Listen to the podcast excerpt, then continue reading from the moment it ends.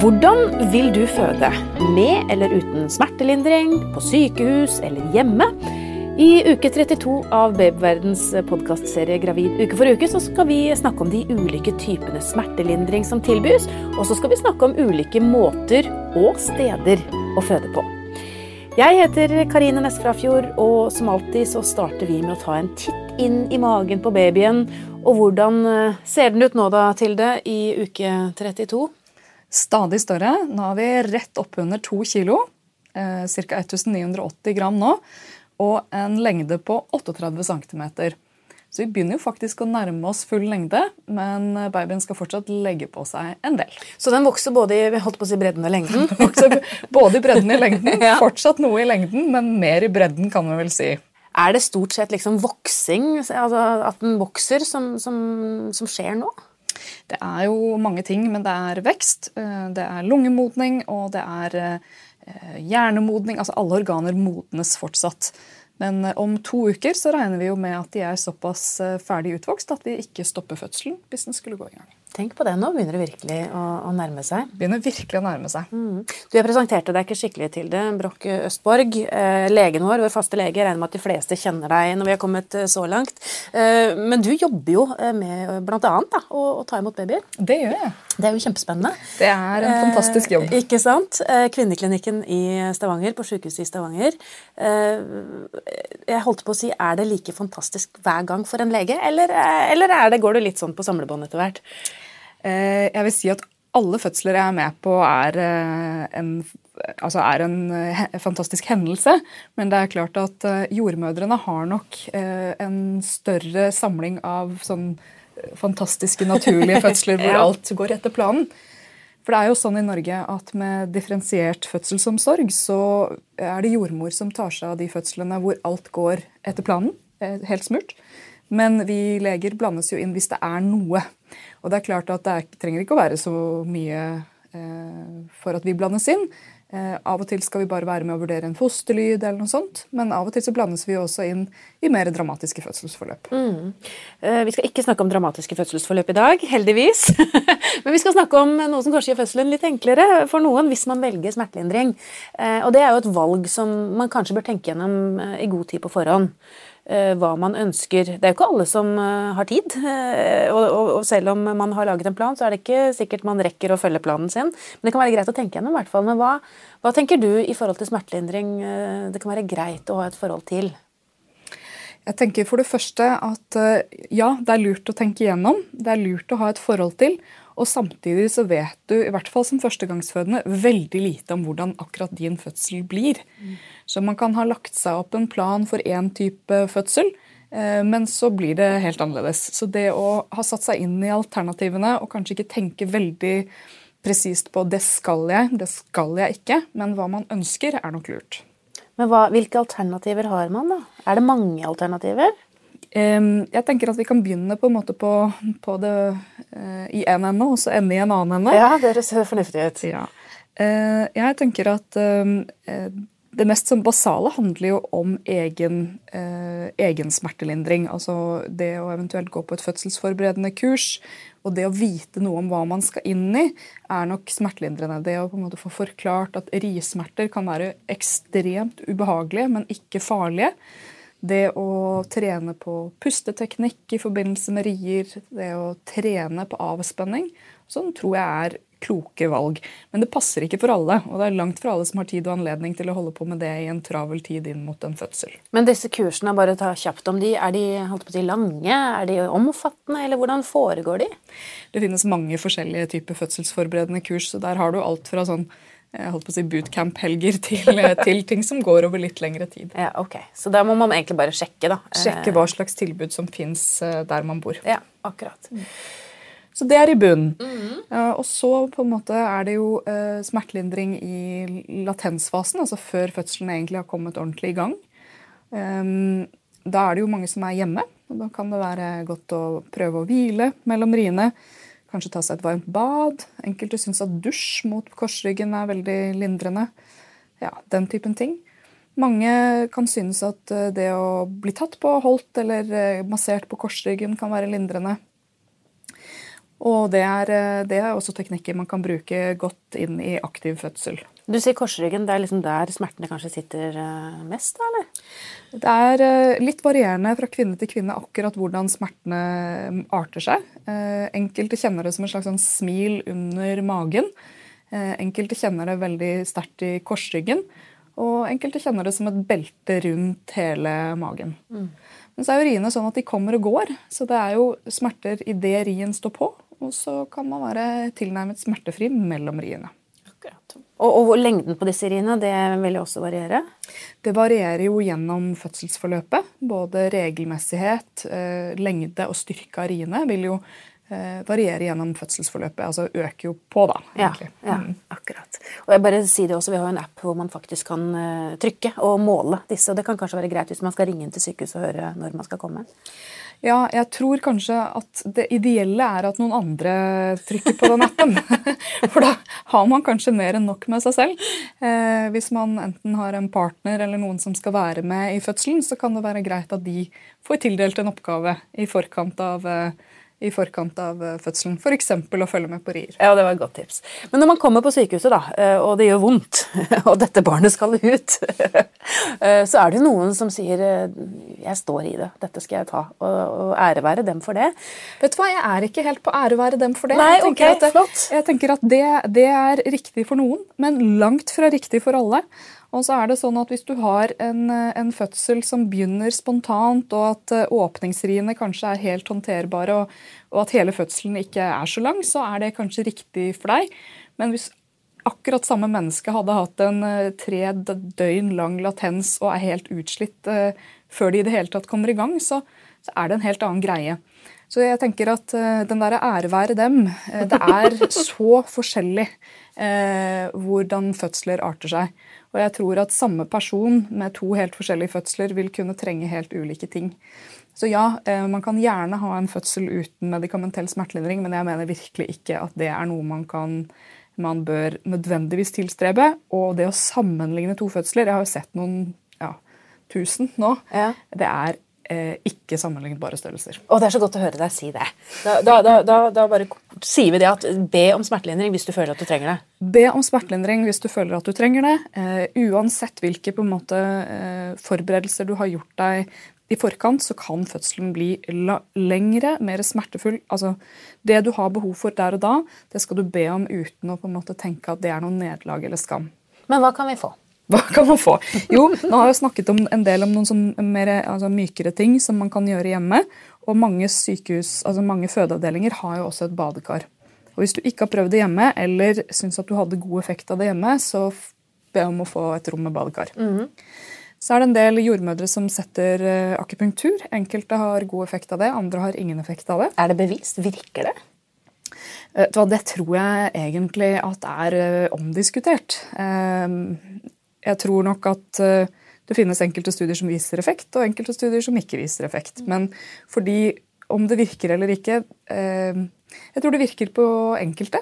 Og så kan man jo lure på hva, hva som gjør at det virker hos den enkelte. Men men eh, jeg tror at er man åpen for det og har en, en, tanke om at det virker, så har det i hvert fall økt sjanse for at det har en funksjon. Ja, jeg har lyst til å bare si at jeg har født to barn. Eh, første gangen syns jeg ikke det virka. Andre gangen var jeg overrasket over at det faktisk virka.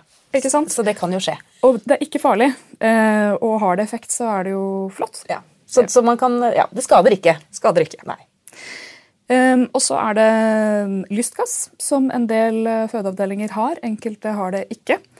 Og lystgass er ufarlig eh, for mor og for fosteret. Unnskyld, babyen. Ja, hører du meg? Jeg blander òg. Eh, det er ufarlig for begge parter, og det er jo både noe smertelindrende, men også gir det vi kaller for en dissosiativ effekt. Altså at man kanskje ikke forholder seg så sterkt til den smerten man har. At hjernen kobles litt av det vonde. Altså Er det noe med å holde fast i den maska? Holde fast i den maska ja. og liksom måtte konsomme og puste i den. Så, det er ganske godt. Ja, jeg, jeg, tror eh, jeg er veldig positiv til lystgass. Ja. Det har vært sånn at Enkelte avdelinger ikke har det lenger, fordi langvarig eksponering for de av oss som jobber der, er ikke så gunstig. Akkurat. Men eh, kortvarig eksponering i fødsel er trygt for alle. Ja.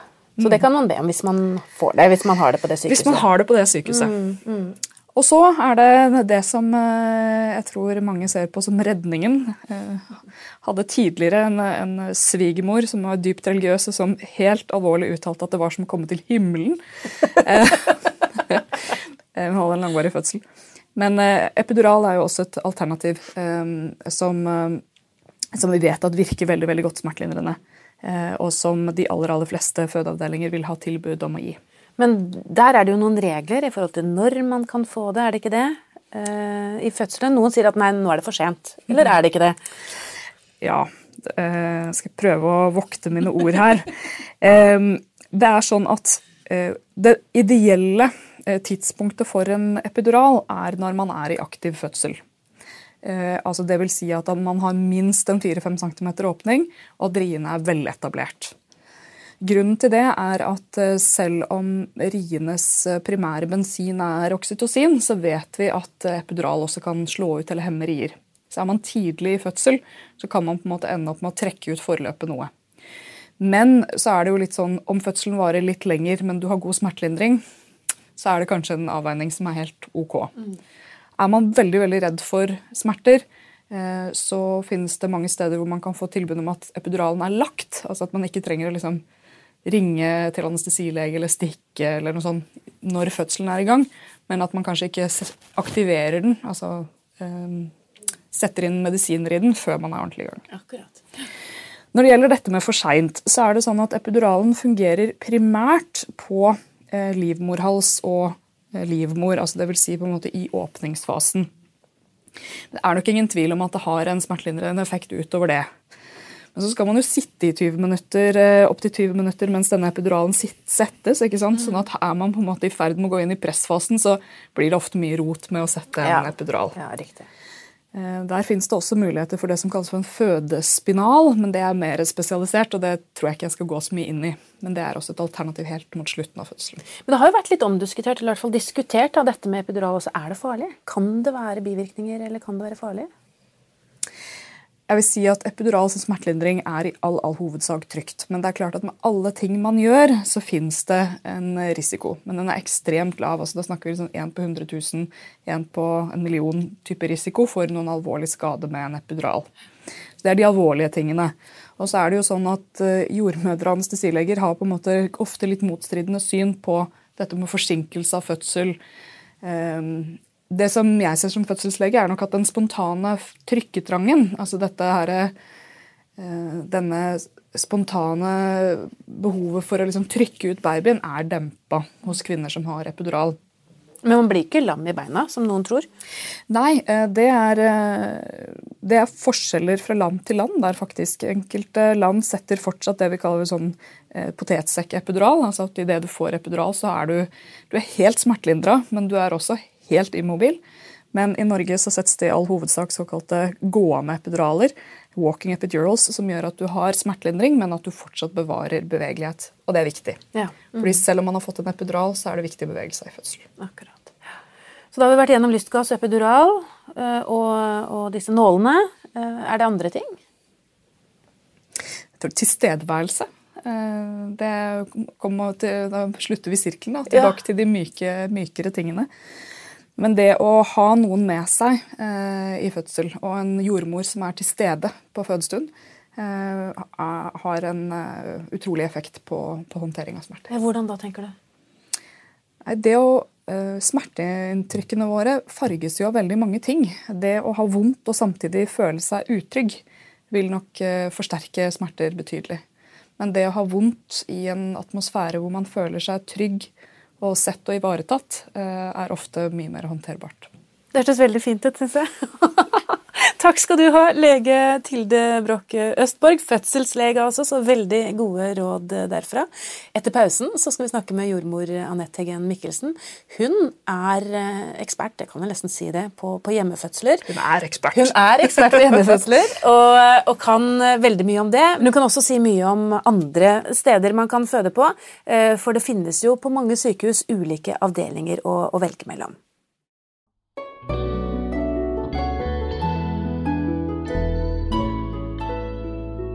Babyverdens podkastserie Gravid uke for uke er altså nå i uke 32, og um, med deg, jordmor Anette Gen Mikkelsen, så skal vi snakke om steder. Ulike Ja. steder Ja, å det er føde på. interessant. Ja. Ja. spesielt syns jeg det er interessant å snakke med deg om det, for du er jo kjent som hjemmefødseljordmora.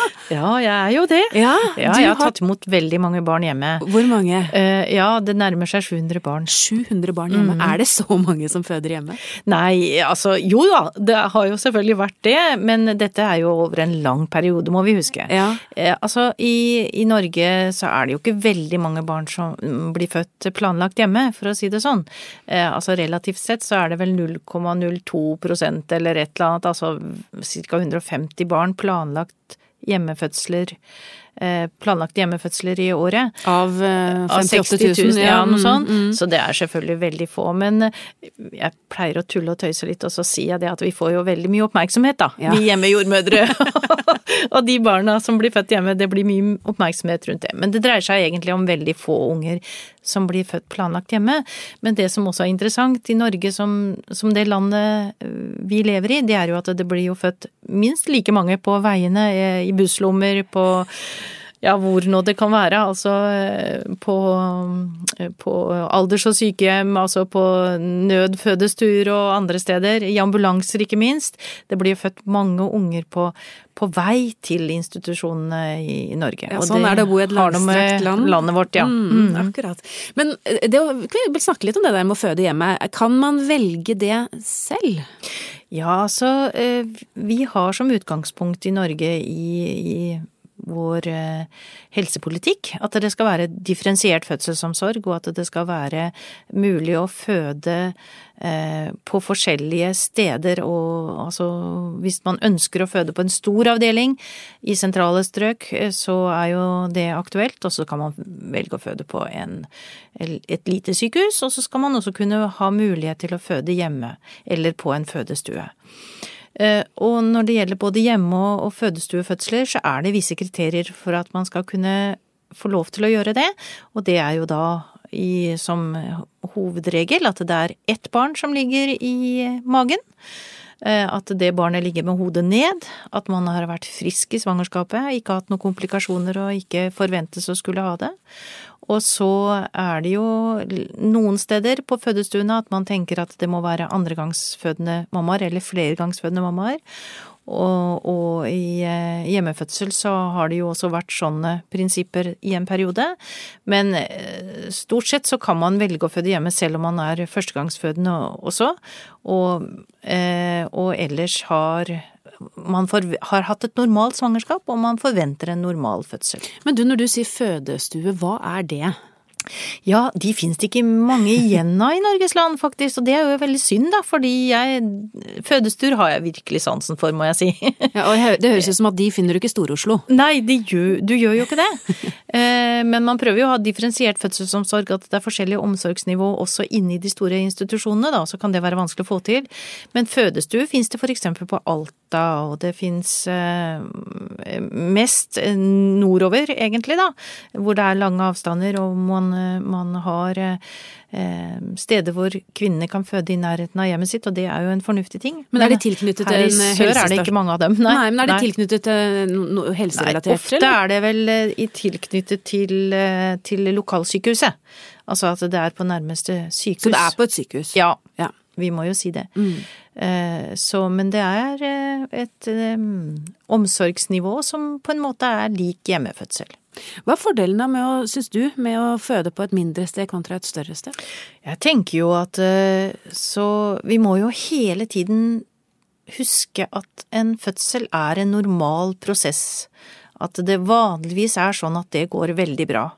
Eh, Sånn at så lenge man er frisk i svangerskapet og ellers har eh, et normalt eh, forventer en normal fødsel, så er jo fordelen ved å være på fødestue eller å føde hjemme, det er jo det at man får ja, for eksempel én og samme jordmor gjennom hele fødselen. At man, det er ikke veldig mye støy og stress rundt eh, situasjonen. eh, Altså man får god én-til-én-omsorg i større grad enn man gjør på store institusjoner. Det har jo også vist seg at eh, man eh, gjør ikke så mange intervensjoner som det heter. Altså det vil si at så lenge man har én og samme jordmor som viser god omsorg, så har det vist seg at det blir ikke bruk for så mye sånn pitosindrypp, altså sånn stimulerende drypp for å få babyen ut, altså stress og fødsel er to ting som ikke hører så godt sammen. Så det er jo mindre stress hjemme og på de små fødeinstitusjonene. Så er det som du sa i en tidligere episode, at man kan få stearinlys og Vivaldi på stereoanlegget og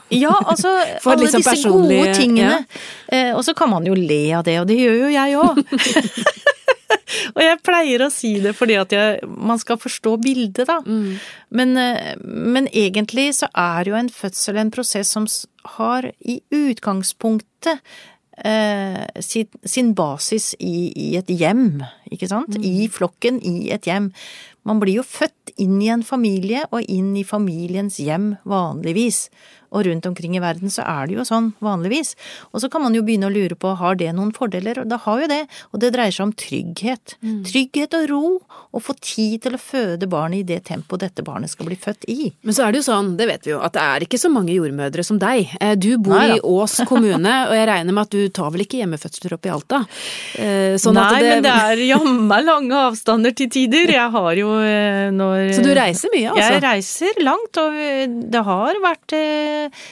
tider hvor jeg har reist inn til to timer for, for fødsler. Altså Hamar, Brumunddal, Gjøvik og ja, ja, så det er faktisk mulig. Mm. Men da må man jo gjøre en avtale med en jordmor, for her, dette er ikke ja. helt A4. Nei, og så heldigvis, for å si det sånn da, så er det jo etter hvert flere øh, jordmødre som øh, også praktiserer, også i disse områdene som jeg nå før har nevnt. Mm. Det fins hjemmejordmødre på mange forskjellige steder i Norges land. Kanskje de ikke tar imot så mange barn, men det har heldigvis blitt sånn at det er flere jordmødre som påtar seg hjemmefødsel. Og så, eh, Nå har vi også snakket om hjemmefødsel, fødestuer, og så er det mm. selvfølgelig disse vanlige fødeavdelingene på sykehuset. Ja. Men der er det også inndelinger. Det fins jo det noen ja, kaller for det være. Ja, mykenheter. Eller mm. det skifter jo stadig navn, men det kan mm. være Ja, det som har vært litt synd, som vi har sett opp gjennom årene nå etter hvert, det er at det er vanskelig sånn Vanskelig å få det til å rulle og gå på de store avdelingene med disse mykenhetene, for å si det sånn. Eh, I Oslo-regionen så har vi jo ABC-avdelingen på Ullevål sykehus, som er et veldig populært fødested, og mange søker seg dit, hvor man har mulighet for å føde i vann, og, og er liksom Basisen på det stedet er at man skal ha fred og ro og bruke tid som den tiden mammaen trenger for å føde barnet sitt. Uten for mye smertelindring? Uten for mye smertelindring, mm. og uten for mye intervensjon, som jeg har nevnt før, da. Mm. Mm. Eh, fordelen med ABC-avdelingen er jo at man kan flytte over til storsykehus, altså til avdelingene, de andre avdelingene på Ullevål, og få hjelp hvis man ser at dette går ikke. Så det er jo en, en bra måte å dele inn fødselsomsorgen på store sykehus på, mm. syns jeg. Mm. Så har det vist seg det at eh, mange andre steder Ja, så finnes det jo Storken i eh, Stavanger, og så Nei, Fødeloftet i Stavanger. Fødeloftet og Storken i Bergen. Stemmer, ja, det er jeg som blander. Ja, det er bra du retter. Ja. Men altså sånne type steder i storsykehus som man prøver å ta inn de normale fødslene og beholde de normale. Eh, nå har det, akkurat det, vist seg å være ganske vanskelig. Men du, jeg må bare arrestere deg litt. For når du sier mm. normale fødsler, mm. det er jo ikke unormalt de andre? De som, er, eh, de som føder på de store avdelingene? Nei. Dette er en sånn Det er sant at du sier Det er bra du sier Nei, de er ikke unormale. Eh, men eh, spørsmålet er hva, hva skal man kalle de? Ja, hva skal man kalle Naturlig, unaturlig. Det blir feil uansett. Det er, det er ja. veldig mange eh, Fysiologisk fødsel vet jeg mm. man, mm. man har, sier noen ganger i fødselsomsorgssammenheng. Jeg skjønner hva du mener, men jeg mm. tenker det er kanskje viktig å bare påpeke ja, at selv om man velger å føde på en stor fødeavdeling med alt man kan få av smertelindring, så er det ikke noe mer unaturlig. Nei, for fødselen i seg selv er jo normal. Ja. ja. Og eh, det er helt mulig, og det er jo sånn at det er veldig mange som føder på store sykehus om dagen og syns at de har gode fødselsopplevelser der også. Så man må liksom passe seg for å, å diskriminere de vanligste stedene hvor fødselen foregår, for å si det sånn. Og så er det jo lov å ta med seg litt Vivaldi på fødestua på de store sykehusene ja, også. vet du hva, og jeg tror at eh, jordmødrene på de store sykehusene, de er innstilt på å hjelpe til på alle mulige måter og ta personlige hensyn og hjelpe til så godt de kan. Men det er klart at som jordmødre så opplever vi jo at eh, vi er noen ganger i en veldig stressa situasjon. Mm. At det er ikke noe jordmødre vil eller ønsker heller, eller de som skal hjelpe til med fødsel, men at det blir eh, Man må ta seg av så mange kvinner av gangen at denne én-til-én-omsorgen kan det skorte på, selv om vi har det som mål. At det skal være én-til-én-omsorg i aktiv fødsel. Så hender det at vi føler at vi ikke får gjort en bra nok jobb i forhold til det. Og det er jo fordelen med de små fødeenhetene, da, og hjemmefødsel. Der har man jo en jordmor mm. som er der helt til barnet kommer ut. Og det tror jeg nok at mange jordmødre på de store sykehusene skulle ønske at de kunne fått praktisert jordmorfaget sitt på den måten.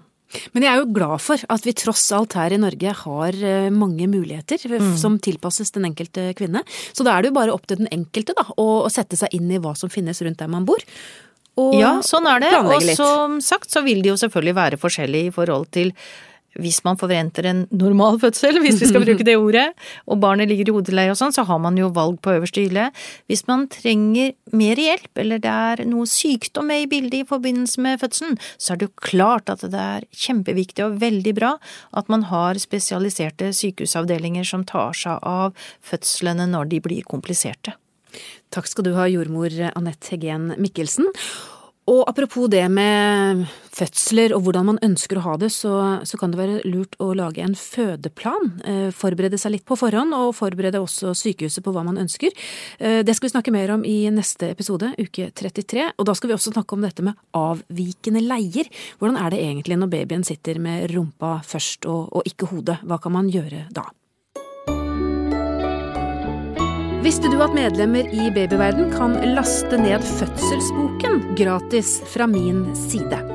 Det er også vi som utgir Spedbarnsboken, som du også kanskje har hørt om. Vi har gitt ut Spedbarnsboken gratis helt siden 1964, og den får du på de fleste sykehus etter at du er født. Men hvis du vil ha boken tilsendt i posten før fødsel, så kan du bestille den via babyverden.no eller appen vår Gravid og barn.